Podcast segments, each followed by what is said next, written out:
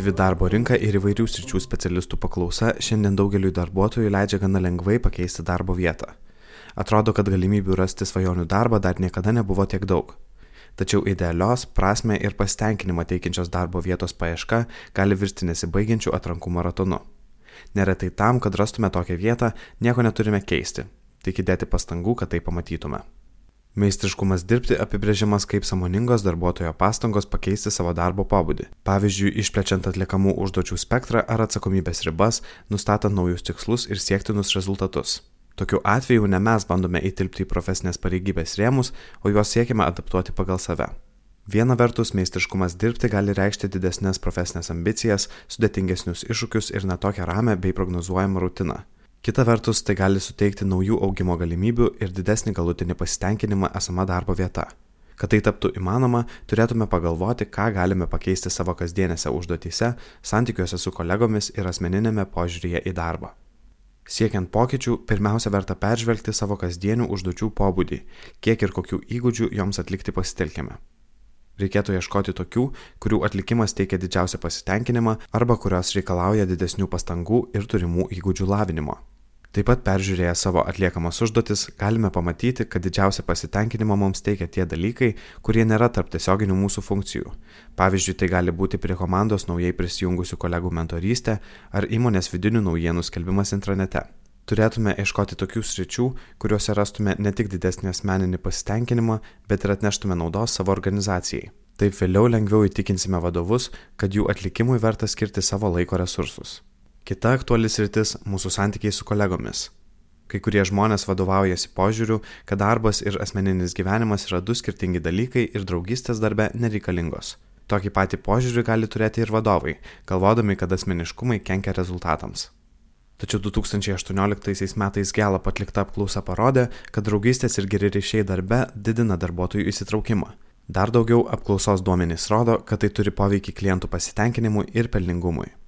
Taigi draugystė darbe vertinga emocinė prasme, tačiau tvirti ryšiai, socialiniai kontaktai gali reikšti, kad būsite pastebėtas, kažkas prisimins jūsų įgūdžius ar gebėjimus ir reikiamoje situacijoje rekomenduos jūs projektui, užduočiai ar naujai pozicijai.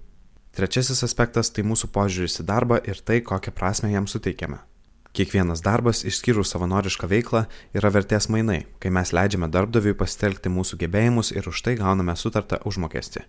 Už gaunamus pinigus galime tenkinti savo asmeninio gyvenimo poreikius. Jei užmokestis netitinka mūsų gebėjimų, savaime suprantama, kad bet kokie kiti motivacijos būdai neduos rezultato. Gaunant gebėjimus atitinkantį atlyginimą ir galimybę naudotis kitomis įprastomis motivacijos priemonėmis, didesnę svarbą įgyja atliekamo darbo prasme. Kai kurios profesijos dėl savo pobūdžio, pavyzdžiui, mokytojo ar gydytojo, iš karto atrodo prasmingos. Tose sritise, kuriuose nėra tiesioginio santykio su žmonėmis ar kur vyroja aiškiai apibriešti procesai, gali atrodyti, kad esame nieko nelementis raiktelis didelėje sistemoje.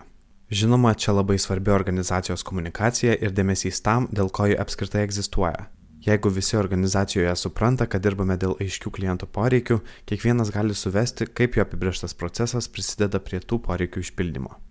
Stengiantis pačiam ieškoti darbo prasmės, visada naudinga pasitelkti priartinantį žvilgsnį, žiūrėti ne į visumą, o į detalės. Tai gali būti kasdienės mūsų atliekamos užduotis ir jų teikiama nauda tam, dėl ko veikia mūsų darbdavys. Iš pirmo žvilgsnio tai gali būti ir smulkios užduotis, kurios prisideda prie to, kad sklandžiai vyktų didesni įmonės procesai. Meistriškumas dirbti prasideda nuo esamos situacijos įvertinimo, turėtume pirmiausia peržiūrėti savo kasdienės užduotis, išanalizuoti, kas mums patinka, o kas kelia nuobodulį ar apatiją. Tada pagalvokime, kaip galime į savo kasdienį darbą įnešti spalvų, kas galėtų turėti didžiausią poveikį, kiek tai priklauso nuo aplinkos, o kiek nuo mūsų pačių. Kitas žingsnis - aptarti savo pastebėjimus su savo tiesioginiu vadovu, gauti jo palaikymą ar patarimų, kurie padėtų įgyvendinti pokytį.